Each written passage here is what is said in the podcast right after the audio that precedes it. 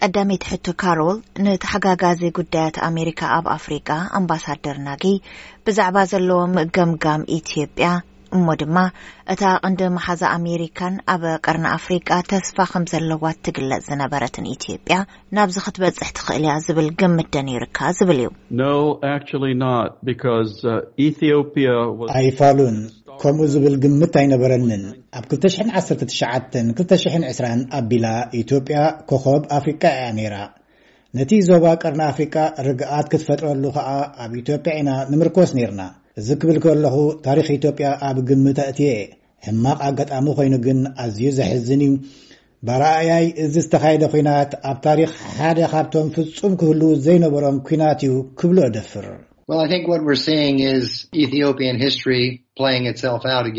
ሎሚ ንሪኦ ዘለና ታሪኽ ኢትዮጵያ ባዕሉ ክደጋግም እንከሎ እዩ።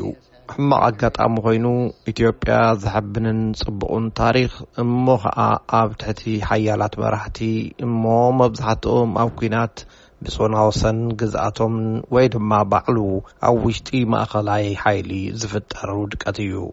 ስለዚ ሕዚ ኣብ ኢትዮጵያ ንሪኦ ዘለና ናይ ማእከል ሓይሊ ባዕሉ ክንህል እንከሎ እዩ። እንኮ ሃገሮም ከመይ ክትከውን ዝውስኑ ድማ ኢትዮጵያውያን ጥራይ እዮም። ናይ ብዙሓት ጎረባብቲ ኮኑ ኣፍረቃውያን ተስፋ ወይ'ውን ማሕበረሰብ ዓለም ዘለዎ ተስፋ እታ ሃገር ካብዚ ዘሎ ሽግር ብሰላም ክትሰጋገር እዩ። ናብ ኣምበሳደር ናጊ ክምለስ ኢትዮጵያ ብታሪኻ ሕብንቲ ሃገር እያ ዘይተገዘእት ሃገር ድኣ ትኾን እምበር ሐዚ ግና ብሄራት ነንሕድሕዶም ከም ትግራይ ኦሮምያን ኣምሓራን ወጥሪ ንርኢ ኣለና። እዚ ካብ ምንታይ እዩ ትብል? ንስኻ ኣብኡ ከለኻኸ ከምዚ ዝመስል ናይ ብሄራት ምትፍናን ነይሩዶ? ከምቲ ኣብ ብዙሕ እዋን ዝጠቕሶ፣ ኢትዮጵያ እታ እንኮ ብዘይ ናይ ኤውሮጳዊ መግዛእቲ ዶባታ ዝፈለየት ሃገር ኣብ ትሕቲ ሰሃራ ኣፍሪቃ እያ። ልዕሊ ክልተ ሽሕ ዝኸደ ባህልን ናይ ግዝኣት ታሪኽን ኣለዋ። እንተኾነ ኣብ ቀረባ ዓመታት ብዙሕ ውሽጣዊ ኲናት ርእያ እያ። ኢህወደግ ስልጣን ድሕሪ ምሓዙ ፌደራላዊ ስርዓት ተኺላ። ኣብ ብሄር ዘተኮረ ፌደራላዊ ስርዓታት ከም ኣብ ስዊዘርላንድ ዝኣመሰላ ሃገራት ክሰርሕ ይኽእል ይኸውን። ኣብኡ ምትፍናን ዘለዎም ህዝብታት ንሃብቲ እታ ሃገር ክመራቕሑ እንከለዉ፣ ኣብ ኢትዮጵያ እንተርኢናዮ ግን ሃብቲ ዘይኮነስ ድኽነት እዮም ክካፈሉ። ቀዳማይ ሚኒስትር ኣብይ ኣብ 2018 ናብ ስልጣን ድሕሪ ምምፅኡ ድማ ናብቲ ናይ ቅድም ኣሃዳዊ ስርዓት ክመልሶ ፈቲኑ። ኣምባሳደር ቡዝ ናባኻ ክመጽእ እዚ ዝመስል ናይ ብሄራት ምትፍናን ኸመይ ኢሉ ክመጽእ ኽኢሉ ኢልካ ትግምት? ካብዚ ዘሎ ኩነታት ከ ኸመይ ክውጻእ ይከኣል ትብል? ኣምባሳደር ኮይነ ኣብታ ሃገር ኣብ ዝሰራሕኩሉ እዋን ናብ ኩላተን ክልላት ክበጽሕ ዕድል ረኺበ ነይረ። ብዙሕነት ዘለዋ ሃገር እያ። ኣብ ቀረባ እዋን ንርእዮ ዘሎና ግና መራሕቲ ነቲ ብሄራዊ ምትፍናን ንናይ ውልቆም ድጋፍ ንምርካብን ህዝቢ ንምኽሳብን የናኽስዎ ምህላዎም እዩ። ንጸገማት ኢትዮጵያ ኣጋዲዱ ዘሎ ከኣ እዚ እዩ። ኢትዮጵያ ዓባይን ብዙሕነት ዘለዋ ሃገርን ከም ምዃና መጠን፣ መለስ ዜናዊ ናይቲ ፌደራላውነት ሓሳብ ከምጽእ እንከሎ ነቲ ብዙሕነት ኣብ ግምት ብምእታው እዩ ነይሩ። ፍልልይካ ኣሚንካ ሓደ ሃገር ንምምስራት እዩ ነይሩ። ከምቲ ቲቦር ዝበሎ ግን እዚ ኣይሰርሐን። ኣብ ክንድኡ ብሄራዊ ምትፍናን ፈጢሩ። ስለዚ ሕዚ ንኢትዮጵያውያን ዘድልዮም። ንፍልልያቶም ኣኽቢሩ ብሓደ ከንብሮም ዝኽእል ኣገባብ ምንዳይ እዩ። So back to you, Ambassador Nagy. Let's fast forward to where we stand today. We have now this እዚ alliance. ሕቶ ንኣምባሳደር ናጊ እዩ ናብዚ ኩነታት ንምጻእ ሕወሓትን ሰራዊት ናጽነት ኦሮሞን ናብ ኣዲስ ኣበባ ክኣትዉ ቀሪቦም ኣለዉ ኣህጉራዊ ማሕበረሰብ ዓለም ድማ ንምቁራጽ ተጻብኦታት ይጽውዕ ኣሎ እቲ ምትፍናን ግን ገና ይቕጽል ኣሎ ክልቲኦም ወገናት ድማ ንሰላም ክዝትዩ ድልዋት ኣይመስሉን። ኣብ ድርኩ ከይትፍጽም ኩናት ሕድሕድ ኣሎናዶ ትብል? ኣይመስለንን። ታሪኽ ኢትዮጵያ እንተሪእናዮ ከምዚ ዝመሳሰል ተርእዮቶታት ተደጋጋሚ ግዜ ኣጓኒፉ እዩ። ከምቲ ዶናልድ ቡ ዝጠቐሶ ኣብ ኣፍደገ ኣዲስ ኣበባ ኣለዉ ኣይብልን እየ። ሕጂ ርሑቕ እዮም ዘለዉ። ብቐንዱ ግን ሓይልታት ትግራይ ንኣዲስ ኣበባ ክቆጻጸሩ መደብ ኣለዎም ድዩ እውን ንባዕሉ ካልእ ሕቶ እዩ። እቲ ካልእ ኣርእስቲ ድማ እቲ ዝበሃል ዘሎ ልፍንታዊ ግንባር እዩ። ናይ ማዕረ ልፍንቲ ኣይኮነን ከም ዝመስለኒ እዚ ናይ ሕወሓትን ከምቲ ቀደም ስርዓት መንግስቱ ክኣልዩ እንከለዉ ዘምጽእዎም በበይኖም ተቃወምትን እዮም ከም ዝመስለኒ ግን እዚ ኣብ ልዕሊ ኣዲስ ኣበባ ጸቕጢ ንምፍጣር ሓደ ሜላ ክኸውን ይኽእል ነቶም ሓያላት ሃገራት ከኣ ከም መጠንቀቕታን መዋገይን ክሰርሕ ይኽእል ይኸውን። ኣምባሳደር ቡዝከ ከምኡ ድ ይረኣያኻ እዚ ልፍንቲ ንኩናት ዘይኮነስ ናብ ኣዲስ ኣበባ ብምፅጋዕ ፀቕጢ ንምፍጣር እዩ ኢልካ ዶ ትኣምን ምስ ርእቶ ቲቦር እሰማማዕ እየ ሕወሓት ንኣዲስ ኣበባ ንምቁፅፃር ይዳለው ኣለው ዝብል እምነት የብለይን እዚ ከምቲ ንደርጊ ከብድቁ እንከለው ብዘይ ውግእ ንኣዲስ ኣበባ ዝሓዝዋ ኣይመስለንን ደርጊ ኣዝዩ ተጸሊኡ ስለዝነበረ ብሓፈሻ ካልእ ሓይሊ ሰብ ብጽቡቕ እዩ ተቐቢልዎ። ሕዚ ከምኡ ዘይምዃኑ ግን ንባዕልቶም እውን ተረዲእዎም ኣሎ። ስለዚ ከምቲ መንግስቲ ኣፍደገታት ዓጽዩ ቀረባት ዝኸልኦም ንሳቶም እውን መገዲ ጅቡቲ ንምዕጻው ዝዓለሙ ይመስሉ። ኩሉ ቁጠባ እታ ሃገር ብመስመር ጅቡቲ ስለ ዝመጽእ ንሳ እታ ወሳኒት እያ። ከምቲ ቡዝ ኣቐዲሙ ዝበሎ እቲ ፍታሕ ካብ ውሽጢ እዩ ክመጽእ ዘለዎ። ወላ እውን ልዕሊ ሚእቲ ዝበጽሑ ኣዝዮም ምኩራት ልኡኻትን ሸምገልትን ክህልዉና ይኽእሉ እዮም። ክሳብ ሕጂ ብምዕራብ ዝቐርብ ዘሎ ጸቕጢ እቲ ዝድለ ውጽኢት ኣይሃበን። ዳርጋ ኩላተን ሃገራት ኣብ ተመሳሳሊ ርእይቶ ደኣ ይሃልዋ እምበር ገና ካልኦት ዘይተሓወሳ ግን ኣለዋ። ንኣብነት ብፕሬዝደንት ኣበሳንጆ ዝግበር ዘሎ ፈተነታት ባርኾት ኤውሮጳዊ ሕብረት፣ ኣሜሪካ፣ ቻይናን፣ ሓንቲ ካብ ሃገራት ወሽመጥ ከም ቱርኪ እንተ ዝውስኸኦ ዓቢ ውጽኢት መምጸኤ። ጉዳይ ቻይና ኣዝዩ ወሳኒ እዩ። ሕጂ ግን ስቕ ኢሎም እዮም ዘለዉ። ካልእ ካብቲ ዘተ በዂሩ ዘሎ ድማ ናይ ህዝቢ ርክባት እዩ። ካልኦት ከም በዓል ቱርኪ ዝኣመሰላ ሃገራት እውን እዚ ዝመስል ሓበራዊ ርድኢት እንተ ዝግበር እቲ ኲናት ሎሚ ምተፈትሐ።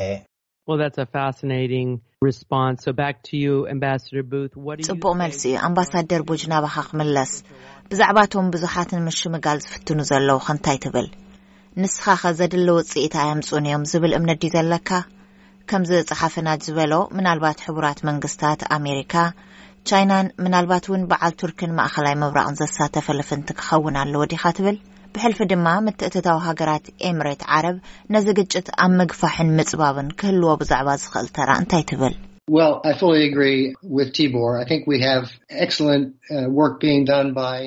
ምስ ርእይቶ ቲቦር እሰማማዕ እየ። ብፍሉይ ልኡኽና ጀፍሪ ፈልትማን ጽቡቕ ስራሕ እዩ ተሰሪሑ። ፕረዚደንት ኦባሳንጆ ቅድም ክብል ዝሰርሖም ጽቡቓት ስራሕትታት እውን እፈልጦም እየ። እዚ ግን ንኢትዮጵያውያን ንምእማኖም ኣኻሊ ኣይመስለንን። ክሳብ ክንደይ ኩሩዓትን ናጻን ምዃኖምን ንናይ ደገ ምኽሪ ብቐረባ ዝቕበሉ ዘይምዃኖምን ምዝኽኻር ኣድላዪ ይመስለኒ። ሓንሳብ እንተ ተላዒሎም ዝምለሱ ኣይኮኑን። ስለዚ ካብ ምዝራብ ንላዕሊ ካልእ ከድልየና እዩ። ሓደ ዝለመድናዮ ኣገባብ እንተ ዘይሰሚዖም እገዳ ንግበረሎም ዝብል እዩ። ብውልቂ እገዳ ክንገብር እውን ፈተነታት ጌርና ኢና። ናይ ውልቀ ሰባት ሃብቲ ወይ ድማ ናይ ጉዕዞ እገዳ ምግባር ግን ንመራሕቲ ኢትዮጵያ ሓሳባቶም ክቕይሮም ዝኽእል ኣይመስለንን። ካልእ እውን ስምምዕ ኣጉዋ ስሒብናዮ ኣለና። እዚኣቶም ምልክታት ክኾኑ ይኽእሉ እዮም። ኣብ ተሞክሮይ ከም ዝረኣኽዎ ግን ልዕሊ ሓለፋታት ምምላስ ምክልኻልን ምሕዳግን ክቐልል ይኽእል እዩ። ዳሕራይ ናብ ውሑስ መገዲ ክትጓዓዝ ምስ ደለየት ከኣ ኢትዮጵያ ሓገዝና ከድልያ እዩ። ናይ ሎሚ ዘድሊ ፖለቲካዊ መፍትሒ እንድዩ፣ ንሱ ምስ ገበሩ ድማ ቀልጢፎም ናብ ንቡር ዝምለስሉ እዋን ክህሉ ተስፋ እገብር። ብዛዕባ ግደ ኤርትራ ንኽምልስ ንኣምባሳደር ናጅ ዕድል ክህቦ። ምቁራጽ ተጻብኦታት ከይግበር ኤርትራ ክሳብ ክንደይ ኣሉታዊ ተራ ተጻዊታ ትብል? ምስ መሪሕነት ትግራይ ዝነበሮም ቅርሕንቲ ሕዚ ምስ ቀዳማይ ሚኒስትር ኣብይ ኣሕመድ ዘለዎም ዝምድናን ኣብ ግምት ኣእቲኻ?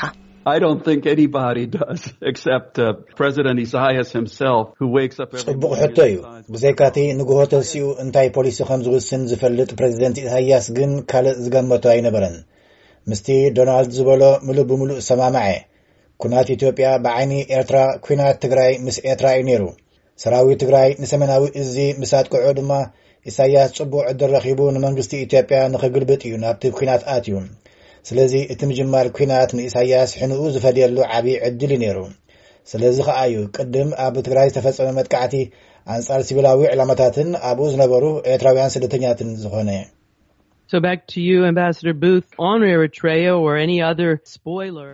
ኣምባሳደር ቡዝ ናባኻየ ነዚ ኣብ መንጎ ንመንግስቲ ኣብዪ ኣሕመድ ክግልብጥ ዝጽዕር ዘሎ ህወሓትን ፕሬዚዳንት ኢሳያስን ዘሎ ምትፍናን ኣብ ግምት ኣእቲና ነቲ ግጭት ኣብ ምፍታሕ ተራ ኤርትራ ክሳብ ክንደየናይ ወሳኒ ይኸውን ተራ ካልኦት ጸለውቲ ሃገራት ከም ቻይና ኣሜሪካ ሃገራት ከሊጅን ቱርክን ከ እንታይ ክኸውን ይኽእል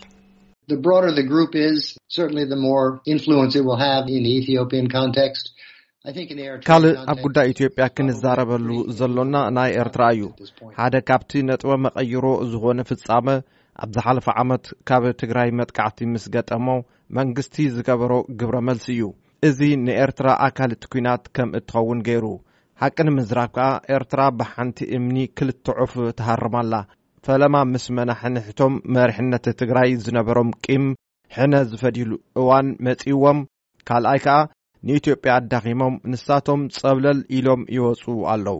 ኤርትራውያን እውን ብቐሊሉ ዝሰምዑ ኣይኮኑን፣ ፈጺሞም ዝዕጸፉ ኣይኮኑን። ኣብዚ ኲናት ኢትዮጵያ ኣዝዩ ወሳኒ ተራ ምጽዋቶም ግን ክዝንጋዕ የብሉን። ከም ዝመስለኒ እቲ ዓንኬል እንተ ገፊሑ እቲ ጽሉ እውን ብማዕረ ክዓቢ ይኽእል እዩ። እቲ ናይ ኤርትራ ጉዳይ ግን ሓደ ካብቲ ጽልዋ ክትገብረሉ ኣዝዩ ዘጸግም እዩ።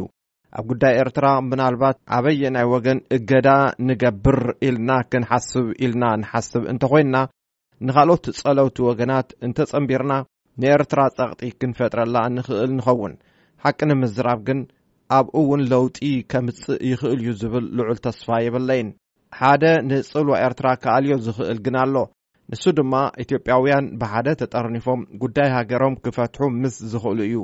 ብዙሕ ሰብ ብዛዕባ ምብጻሕ ሕጹጽ ሰብኣዊ ሓገዝ ይዛረብ ኣሎ። እቲ ካልእ ግዜ ዘይህብ ፍጻመ ግን እቲ ሃገር ለኸ ኲናት ግዜ እናወሰደ ብዝኸደ መጠን ቁስሊ ንምሕዋይን ንምዕራፉን ኣዝዩ ነዊሕ እዋን ክሓትት እዩ። ኢትዮጵያ ቅልጡፍ ምዕባለ እተርኢ ዝነበረት ሃገር እያ። ኢትዮጵያውያን ከኣ ኣብ ክንዲ ኲናት ናብ ሰላማውን ውሑስን ናብራ ክምለሱ እዮም ዝደልዩ።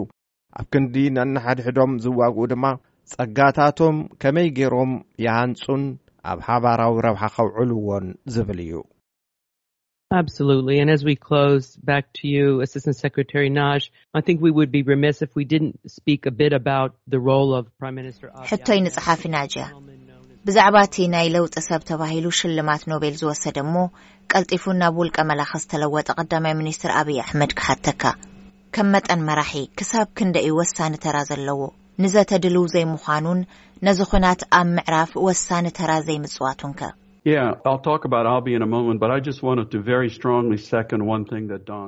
ብዛዕባ ኣቢይ ጸኒሐ ክዛረብ'የ።